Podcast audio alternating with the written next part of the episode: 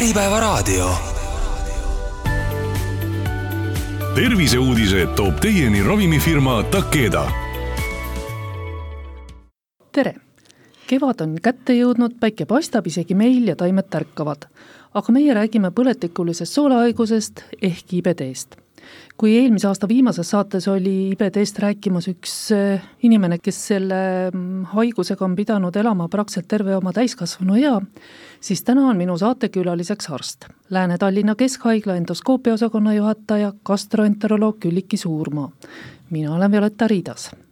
Tere Teid tutvustavas lauses on meil äh, kaks sõna, mis võivad suurele osale inimestest äh, üsna hämaraks jääda.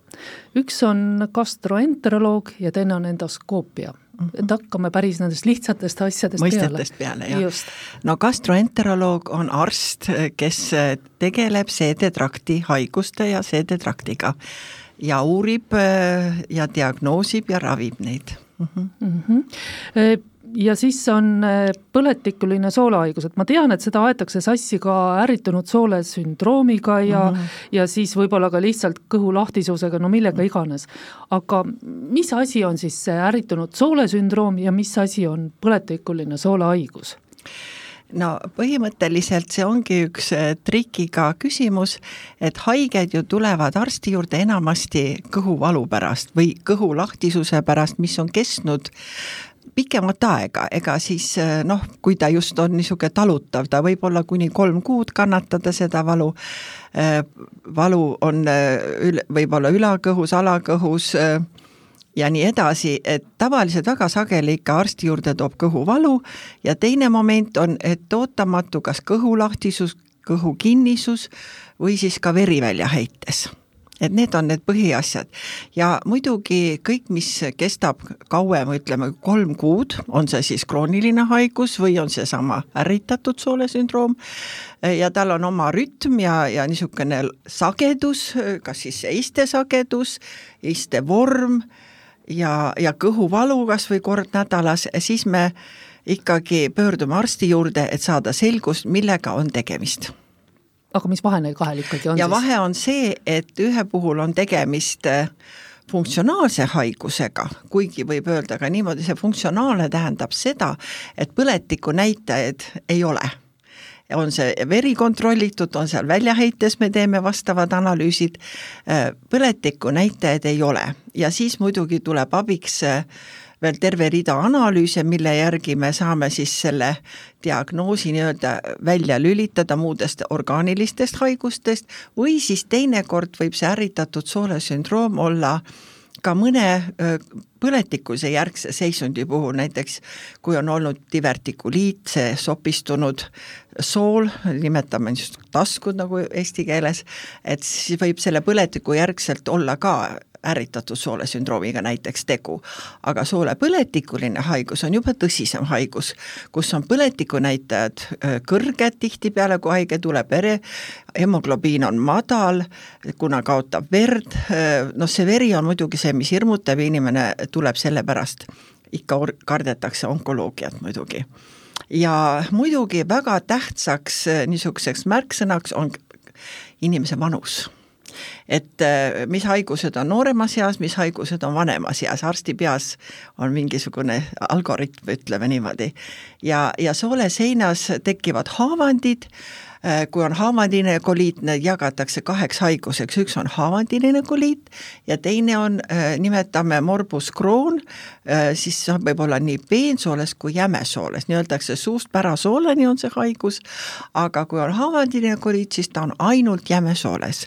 ühe puhul tekivad pindmised haavandid rohkem ja limaskestas on punetus ja veresooned kaovad ja tekib niisugune kõhulahtisus. Äh, eriti väljendunud on see haigus. Teinekord ebameeldivalt, kui on tegemas lõpuotsa haigusega, me ütleme rektum, sigmasool, see on see lõpp äh, sellest jämesoole osast. Ja siis on väga vastik äh, kõhulahtisus. aga morbus Crohni puhul tuleb sageli niimoodi see haigus välja, et haigel on aneemia. Ebaselge aneemia. ei pruugigi olla kõhulahtisust, mõnikord on isegi kinnisus, aga siis lisaks sellele on kõhuvalu kõhuvalu ja te-, diagnoos tihtipeale tuleb läbi kirurgia, näiteks haige läheb pimesoole operatsioonile, operatsiooni käigus selgub, et vaat see lõpuosa, peensoole lõpuosas ongi mingi sool, paksenenud, see haigus nagu tekitab sooleseinas põletiku ja see soolesein pakseneb lihtsalt öeldes. ja kui kuulajal on nüüd järg käest läinud, siis kumb oli, kumb see siis nüüd oli, põletikuline või ärritunud? Eh, see viimane jutt oli, puudutas ikkagi põletikulist soolhaigust, esimene pool puudutas ärritatud soolt mm, -hmm. aga siin ongi selles arstikunst, et arst peab oskama eristada mm -hmm. ja selleks, et seda kergemat diagnoosi peab ta tegema täpselt samuti palju uuringuid, et välja lülitada see ärritatud soolesündroom. võib-olla koliidi puhul tuleb see diagnoos isegi kiiremini mõnikord ja ravi on võib-olla konkreetsem isegi. aga millest see põletikuline soolehaigus üldse tekib? et no võiks ju mõelda, et kui mul on nagu pikaajaliselt seal seedeprobleemid, et mm. lõpuks tekib põletik ja siis ongi mm, -hmm. või on see midagi muud? No ega seda täpset põhjust ei teata tänapäeval, teda peetakse autoimmuunseks haiguseks ja, ja siin ongi, et tal on ühe, ühtepidi tal on nagu soolekahjustus, aga teiselt poolt me küsime alati haigetelt veel lisaks, et kas teil liigesed valutavad, on teil veel mu-, muid probleeme, et niisugused ekstraintestinaalsed nähud eksisteerivad ka, et see nagu viitab kõik autoimmuunsusele. Ja äh, mis, mis seda võiks mõjutada. mõtlesin vanasti, kui õppisin Rootsis, et hästi palju oli Rootsis, Skandinaavias oli soolepõletikulist haigust. et kas on geneetika, kas nad on nii vana rahvas, nad ei ole sõdinud ega midagi, et aga täpselt seda geeni pole ka leitud, et tegelikult ei ole. me ei tea täpselt, millest see tuleb, see haigus. võib-olla lapsepõlves mingi infektsioon olnud, oletatakse, võib-olla on mingeid bakteriaalne, minu meelest praegu seda ikka kogu aeg väga tõsiselt uuritakse, aga täpseid eh, niisuguseid seisukohti veel ei ole. Mm.. ühesõnaga, Rootsis on seda keskmisest rohkem seda pole no see toob nii mm -hmm. näiteks, kuna ma seal mhm. olin, ma ei oska öelda, võib-olla mujal on ka, aga eh, ma mõtlen nüüd aega tagasi, kui mina noor olin, see oli see Nõukogude aeg ja meil oli nii vähe seda haigust, võib-olla ühelt poolt me diagnoosisime halvemini, meil ei olnud neid võimalusi, aga teiselt poolt oligi vähem tegelikult, jah et on mõned siis ikkagi ka toitumise ja elu toitumine, elurütm, stress, äh, see võib soodustada äh, selle soole haigestumist ka ikkagi, sest see pea on väga oluline, see aju on väga tähtis. et mulle meeldis üks skeem, ma vaatasin selle ärritatud soolesündroomiga seoses, kuna siin on see äh, närvisüsteemi tundlikkus või väga, väga tähtsal kohal, see sensitivity, nagu ütlevad inglased, et on aju, aju annab impulsi närvisüsteemi kaudu soolde, ta annab liiga suure impulssi, see sool ei võta seda vastu, reageerib äh, valulikult ja saadab samasuguse tugeva impulssi aiu, et see on ringratast niisugune tsirku-, tsirkulus vitsiosus, et siis äh, ta ongi nagu seotud omavahel ja siis me otsime ravimid, mis seda sensitiivsust vähendaks, et seda valu ei oleks. et see on siis ikka seesama reaktsioon, et võitle või põgene? võitle või põgene, jah. seal on nüüd niimoodi, et põgene enam-vähem, aga aga muidugi, mida ma olen ikka täheldanud äh, nende soolepõletike haigel, Äh, vallandavalt, kui on mingisugune tugev stress, näiteks mul on haigel diagnoositud see haigus, ta on mul, need haiged on meie juures ju aastaid, me näeme seda kulgu ja kõik, et võin öelda, et kui on mingisugused üleelamised, kaotused või suured mingid pinged perekonnas või kuskil, et siis äh, see haigus võib ägeneda taas.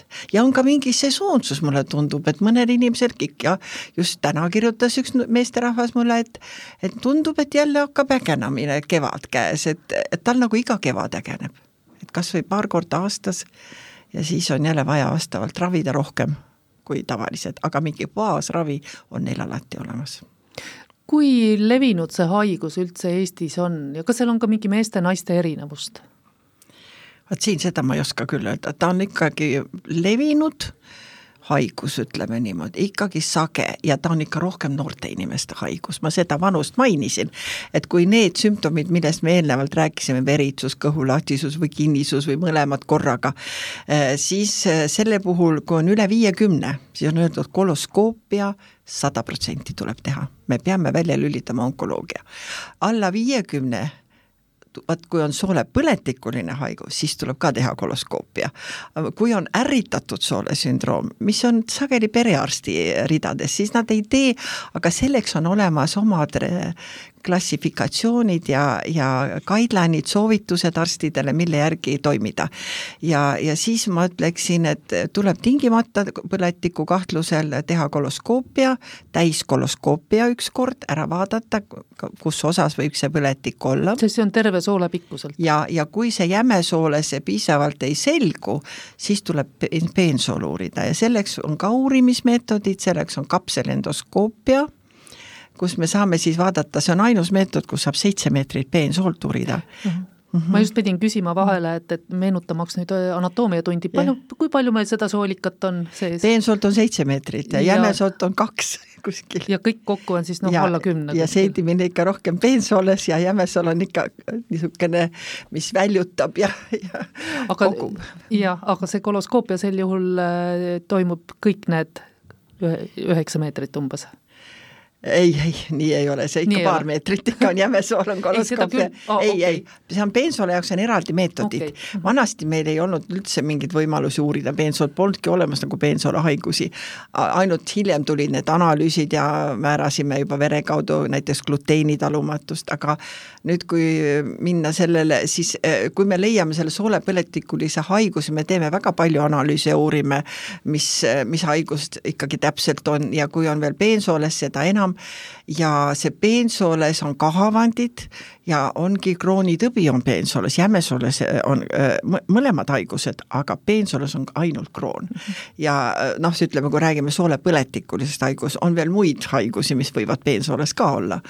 ja, ja väga sageli ma teen ise seda uuringut, kapselendoskoopia, see on niisugune üks ma segan vahele, koloskoopia siis on viimased kaks meetrit ja endoskoopia on esimesed seitse meetrit kapselendoskoopia, see on suu kaudu uuritud kapsel neelad alla ja pildistab Selge. sinul kogu peensoole, aga jämesool on ikka endoskoop, see on ikka niisugune toru, mida aetakse mm, -hmm. nagu ütlevad mõõkaneelad ja on ka jämesoole toru. endoskoop Selge. ja koloskoop nimetame seda, koloskoop, koloskoop noh, ma loodan, et kuulaja sai ka natukene rohkem selgeks, et aga, muidu on neid keerulisi sõnu ja termineid päris palju. ja ma ei oska teisiti eesti mhm. keele, ega arstid ei oskagi eesti keelt teada, see on täitsa jama. Ei, küll, küll ma vahele segan ja küsin jälle, et mis asi see täpselt aga, aga see kapselendoskoopia võib-olla nagu võõras paljudele, see ei ole mingi toru, see on nagu üks väikene kaamera, mida inimene neelab alla, ta on niisugune üksteist millimeetrit suurusega, tühja kõhuga. Ja, ja siis tema liigub kuskil kümme, kaksteist tundi mööda seda peensoolt ja pildistab igast sekundist neli võtet. ja pärast, see on nagu vastuvõtja on haigel peal, antenn kõik registreerib, võetakse see maha ja pannakse kaamera tulemused arvutisse ja interpreteeritakse siis seda leidu, nii on see kapselendoskoopia. nii et ma tahtsin öelda seda, et teinekord ongi nii olnud, et ei leia seda põhjust jämesooles ja siis tuleb edasi uurida ja tihtipeale ma leian need leiud ka soole nagu peensoole lõpuosas on, soole iileu, mis me nimetame, see on see lõpuosa, et seal on haavandid. Ja tihtipeale mõni noor inimene, kes on käinud, mul oli siin üks noormees koolipoiss, tead, kõht valutab ja, ja, ja nii ja naa ja väga pikalt ja mingi aneemia millest ja ja tuli ikka välja, et tal ongi see kroonitõbi ja ja, ja siis on ka ravi olemas ja kõik nagu läheb paremaks, kuigi öeldakse, et peensoole haigust on natuke raskem ravida kui jämesoole haigust. kaua sel noormehel läks aega, ütleme, esi-, noh, ei perearsti jõudmisest kuni diagnoosi jõudmiseni, sest ma saan aru, et diagnoosi ikkagi ju panite teie talle. ega nii kerge ei ole, see noormees tuleb oma kõhuvaluga, võib arvata alguses, et mis siis ikka, et kõigil kõht valutab ja nii edasi no ja spasmid ja aga analüüsid on tänapäeval siiski, et meie tublid perearstid, ma pean ütlema, nad teevad ilusad analüüsid, kalprotektiin on see näitaja, no kui see on kõrgem, peiteveri on positiivne, no see ei saa olla niisama lihtsalt, et siis peab põhjus olema sooles. ja saadeti uuringutele ja, ja siis ma pidin ka ennem tegema kõik põhjalikud uuringud, et seda diagnoosi panna mm. et see on, see on kallis diagnoos ka, kõik kokku see, ütled noh jah, ja ravi ilmselt ei ole ka mitte odav seal otsas. nii et seda aga... kapslit me nüüd ütleme nii profülaktiliselt, et noh, äkki mul ka kõht valutab, niisama me seda ei tee, ma tahan seda öelda, et see on, see on ikka arsti otsus ja. jah, mhm. jah, et see ei ole selline. Mm -hmm. kes on ohustatud sellest? või nagu alguses jutt oli, et ega ei teagi, kes on ohustatud? nojah, et võib-olla tõesti öö, ma ei, ma ei, ma ei saagi niimoodi öelda, et võib-olla keegi halvasti on toitunud, et sellest jääb haigeks, seda nagu ei julgeks väita. aga kindlasti mingil määral, ma arvan, võib-olla lapsena võib-olla mingid läbipõetud infektsioonid kas või võiksid olla põhjuseks või sünnitusmajas on mingi bakteriaalne infektsioon, eks ole, ja kes ei ole, kes saavad rinnapiima ja saavad head mikroobid ja et võib-olla see düsbakterioosi teema siiski on ka sees ja uuritakse, et head bakterid ja halvad bakterid, mis sinna ennem istutatakse sisse, et, et võib-olla see mõjutab ka. Mm aga need infektsioonid ei ole ju lihtsalt, et noh, umbes, et rotaviirus või need võivad olla ka täiesti ei, pruugi, lihtsalt bakter tuleb ja, ja kõik mm. -hmm et ähm, võib-olla saab antibiootikume palju ja jah, et teistpidi ravitakse ja. mingist asjast terveks ja teistpidi tekib siis ja. muu risk et toitumist on uuritud ja et vahepeal nagu räägiti, et noh, vaata, Põhjamaades võib-olla nagu rohkem kui Kesk-Euroopas või Lõuna-Euroopas toitumine natuke erinev, aga siiski on jõutud järelusele, et erilist olulist vahet ei ole, et et äh, seda nagu ei saa täpselt öelda, et vaata, hakkad alkoholist või midagi, sellist ei ole põhjust. kui vanad need noored on, kui soolahaigus välja lööb, et päris väiksed lapsed või on nad ikkagi juba teismelised või? no ühesõnaga, võrdlemisi noorelt ilmselt võib välja lüüa, ma ei tea nüüd laste kohta täpselt öelda, aga ma olen kohanud neljateistaastased lapsed võivad ka juba haiged olla, jah, võivad küll. vanasti õpetati ülikoolis meid, et neliteist, viisteist, kuusteist ongi see vanus, millal haigestutakse soolepõletikuse haigusesse, aga nüüd aeg on edasi läinud, me näeme igas vanuses ja varasemas ajas me teadsime, et noh, et vanematel inimestel ei ole seda haigust, siis ma pean ütlema, mul on mitmed haiged, kes on, kellel olen avastanud selle haiguse vanemas eas kuskil üle kuuekümne ja ja üle seitsmekümne krooni tõbi üks vanaproua, neid ei ole palju, aga, aga seda peab arvestama, et seda võib olla igas vanuses, jah ma just mõtlen nagu lapsevanema seisukohast, et eh, noh, olles ise olnud koolilaps yeah. ja, ja teades oma koolilapsi yeah., siis kõhuvalu on ju kõige mugavam ettekääne, kui sa tegelikult ei taha seda kontrolltööd tegema yeah. minna. aga millal siis nagu aru saada, et kas on tegemist, noh, simuleerimine ja kõhuvalu, sellest saab nagu aru, eks ole, kui sa oma last tead mm. -hmm. aga teine asi on see, on ju ka stress on neil ja, ja yeah. paljudel lööbki ju stress kõhuvaluna yeah. välja, aga millal siis ikkagi millal peaks minema kõigepealt siis jah, arsti juurde, perearsti juurde selle teismelisega, et noh, mitte ütleb, et jaa-jaa, et mine tee trenni ja söö korralikult ja maga õigel ajal ja mm, -hmm. ja su mhm. kõhuvalu kaob ja seda kõhuvalu on hästi palju ja, ja võib-olla siin eh, väga oluline on ikkagi kõigepealt esimene anamnees et põhjalikult haige või lapsega rääkida, millal see kõht hakkab valuma, millest võib hakata valutama, kas tõesti kardab matemaatikatundi minna või või näiteks joob seal koolis, antakse piimatoitu ja tema kõht hakkab valutama ja siis selgub, et tal on laktoositalumatus või on gluteenitalumatus, et seda peab ka leidma võib-olla, et see esineb ka. Et aga teinekord on tõesti see funktsionaalne nimetatud ärritatud soolesündroom, see hirmu, hirmusündroom ja, ja lapse kõht valutab. Ja aga see ei tähenda seda, et teda nüüd üldse uurima ei peaks. et analüüse ju saab tänapäeval teha, need elementaarsed analüüsid ja siiski mõelda rohkem ka nendele võimalustele, et äkki mõni toit on siiski, mida ta ei talu, sest selliseid on küll ja küll, mul oli siin hiljuti üks kolleeg, tema lapse Äh, no lapselapse ja ütles, kõht valutab ja ei tea, mis viga on ja tegime ära, laktoositalumatus oli jah mm. ja siis piimatooted välja ja ongi, isegi ka soolepõletikulise haiguse puhul me ütleme, et ärge tarvitage äh, palju seda gluteeni, ärge tarvitage piimatooteid siiski. et see on nagu ka tekitab võib-olla teinekord vaevusi isegi hapendatud piimatooteid ei soovita? ei, hapendatud me ei ütle seda mm., et rõõska piima ja nüüd äh, vaatakski, mis edasi saab, et kui inimene on äh, saanud oma diagnoosi, ütleme, kätte teilt, kuidas ta siis edasi peab elama, et, et ma saan aru, et üks suur osa sellest äh, ravist on ka dieedil. et mhm. mida see dieet endast kujutab? kui ta selle diagnoosi saab, siis ta saab muidugi oma esmased ravimid, mis ravivad seda soolepõletikku ja siis see, see haige tegelikult jääb nagu gastroenteroloogide äh, Äh, nii-öelda patsiendiks eluks ajaks, võib öelda niimoodi, kuna nende ravimitega tegelevad rohkem gastroenteroloogid ja nende ravi, ravimite väljakirjutamisega ja nii edasi. dieediga on niimoodi, et seal väga selliseid rangeid soovitusi ei ole et aga siiski, nagu ma ütlen, et äh, piimatooted ei ole soovitatavad eriti.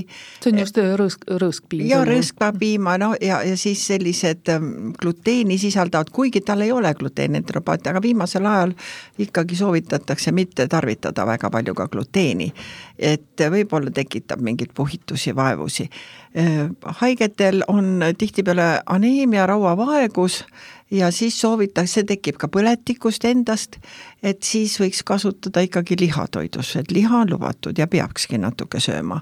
kas piisab äh, kanalihast või peaks olema ikka punane liha? punane liha ikkagi mm -hmm. peaks olema jah, sest kana, kala ei sisalda nii rauda ja, ja siis äh, ühesõnaga niisugune mahetoit võib olla midagi väga vürtsist ja neid paprikad ja teravaid toite mitte süüa, alkoholi mitte tarvitada, mitte suitsetada, muide suitsetamine on väga halb selle diagnoosiga, et kas kohe... ka, kas ka see mm, e-sigaret ja need käivad ka ei, siin alla? mitte ühtegi sigaretti, mitte ühesõnaga siiski moel... nikotiin si-, nikotiin ei ole sobilik, miks Selge. selles suhtes peab olema ettevaatlik, üldse see soolepõletik, üldse üks põletik organismis on alati risk vähile.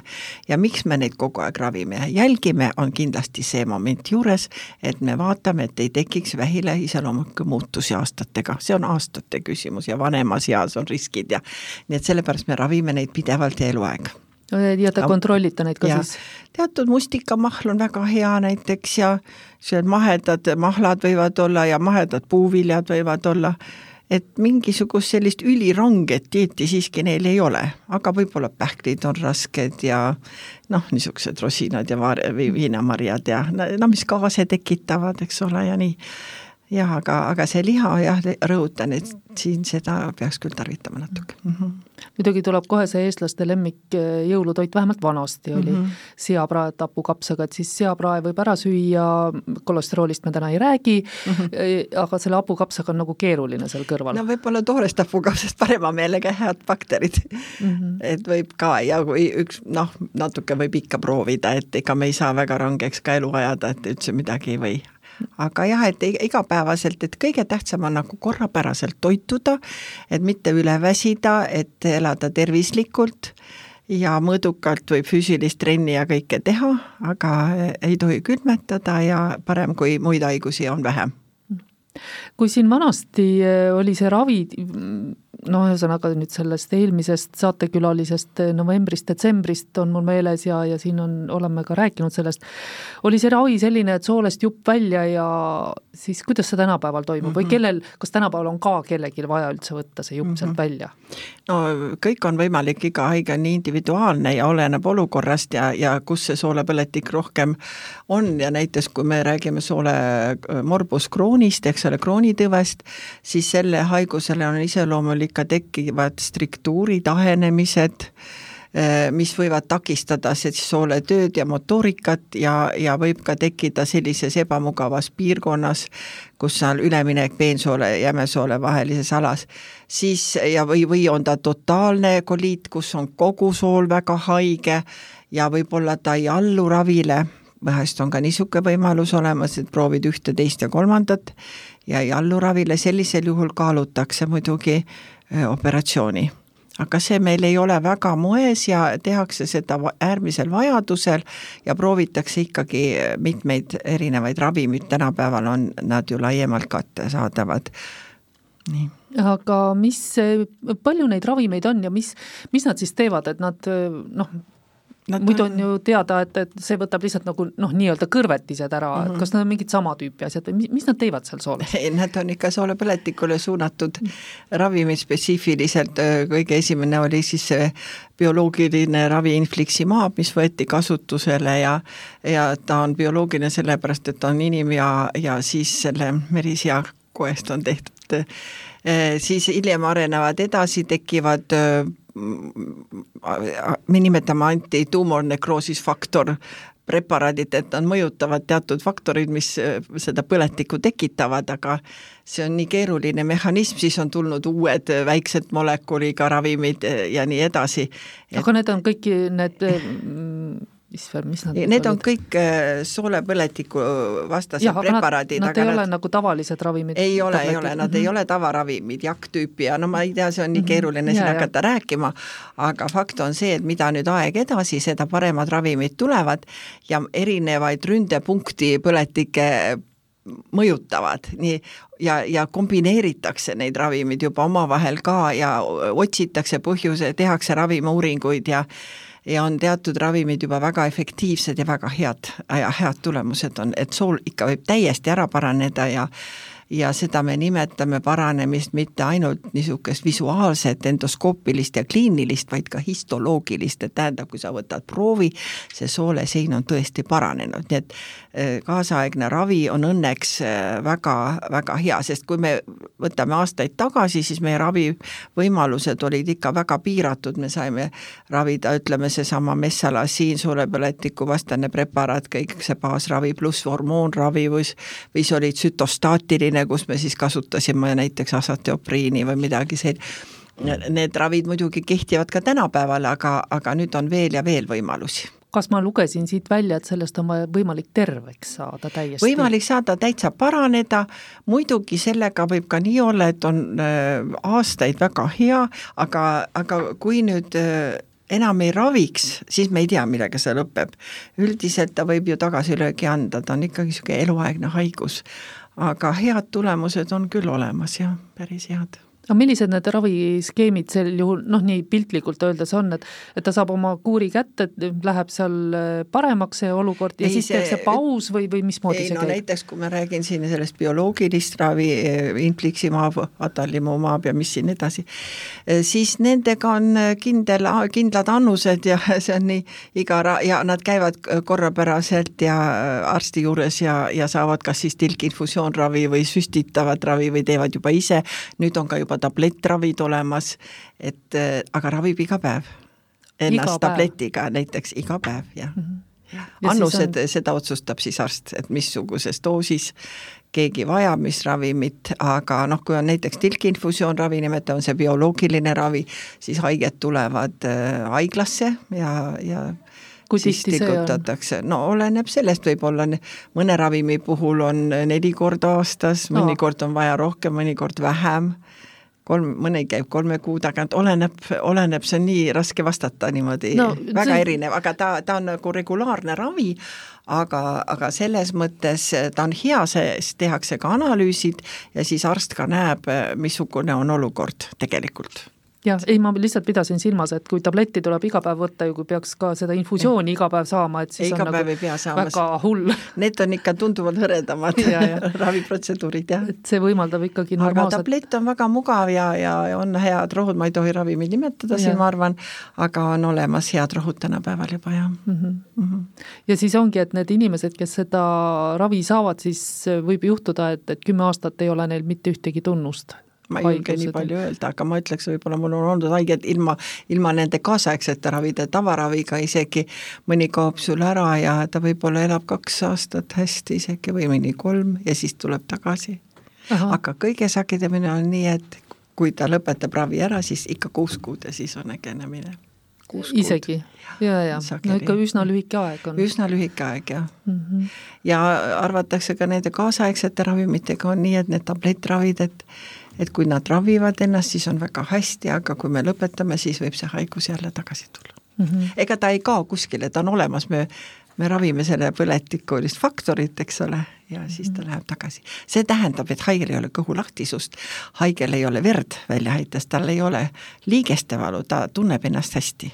ja see on nii suur asi, sest et eh, noh, inimesed, kes on kogu aeg, otsivad seda tualetti, see on üks kole haigus ju tegelikult mm. -hmm sa ei saa jah mitte midagi planeerida. ja sa ei saa midagi planeerida, jah mm. -hmm. miks ta liigestesse lööb?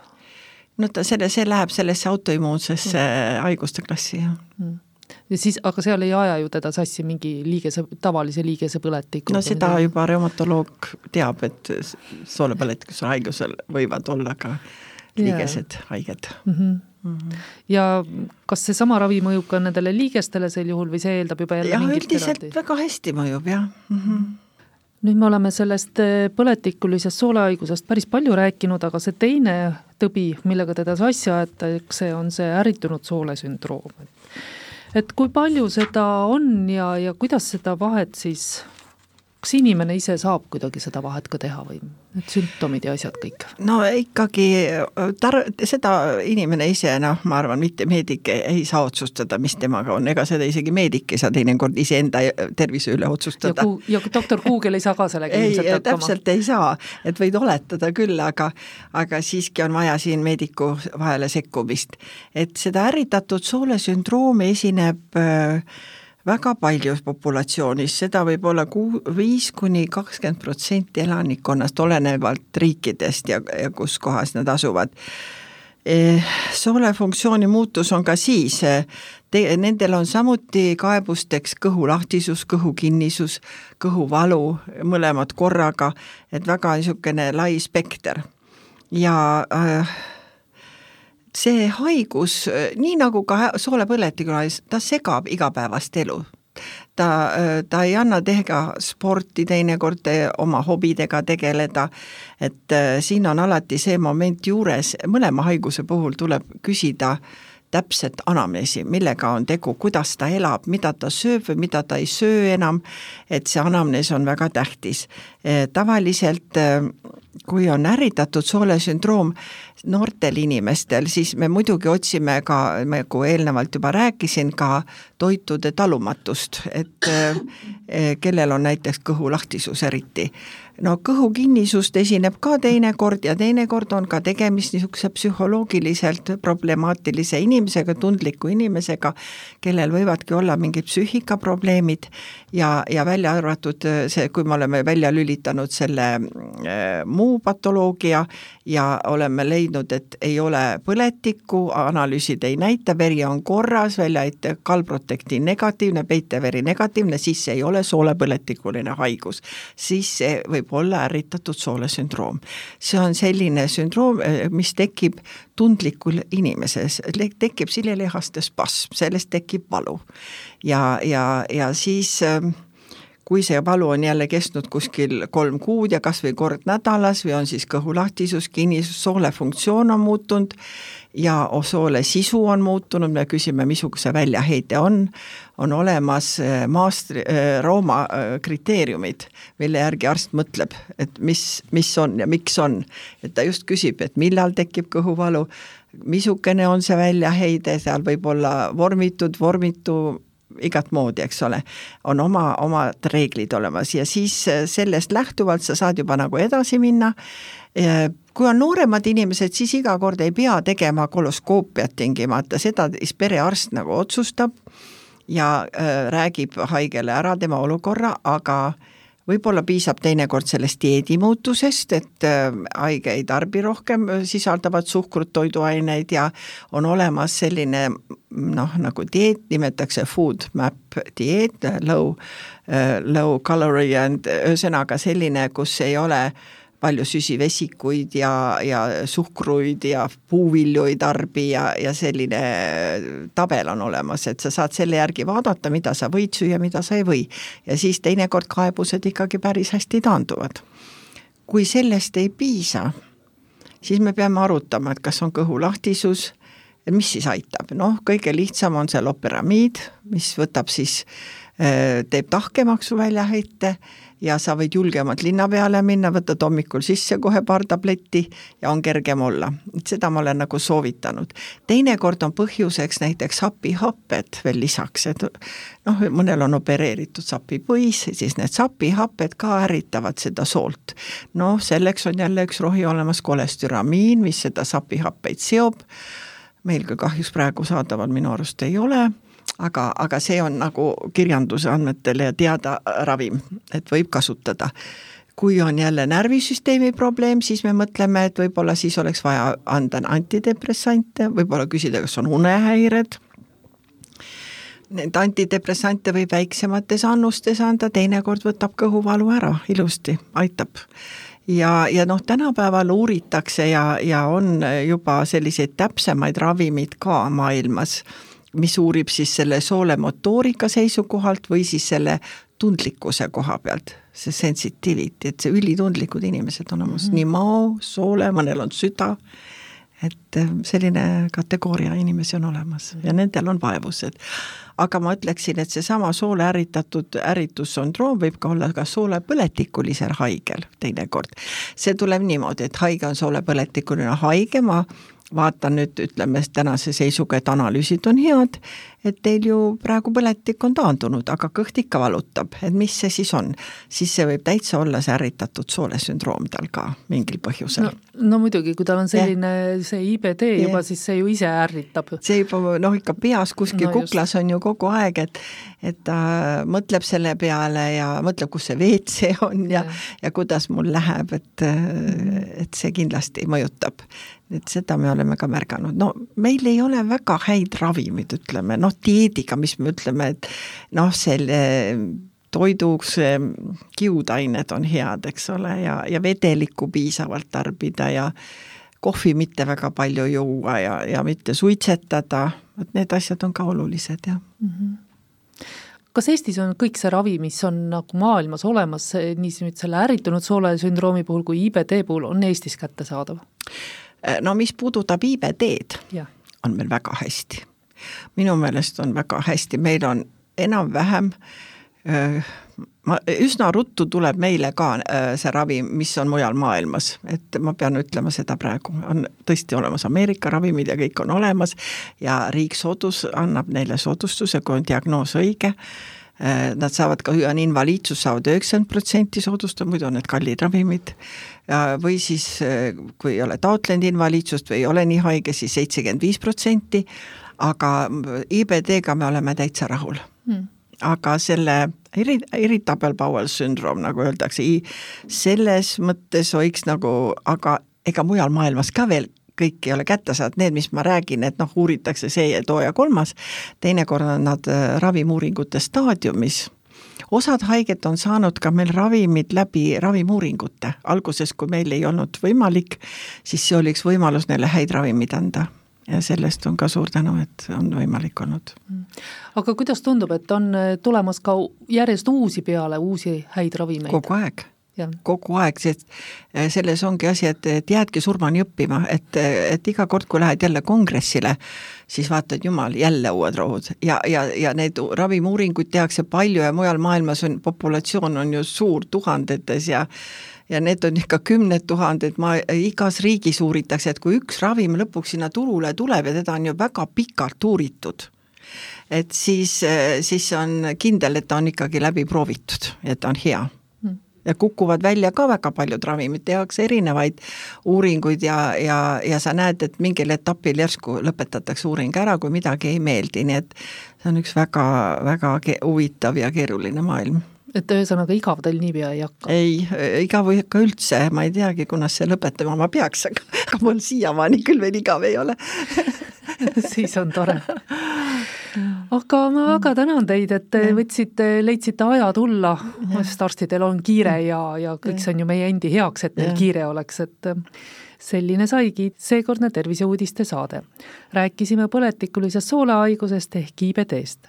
minu saatekülaliseks oli Lääne-Tallinna Keskhaigla endoskoopia osakonna juhataja gastroenteroloog Külliki Suurmaa. mina olen Violeta Riidas, aitäh kuulamast! aitäh!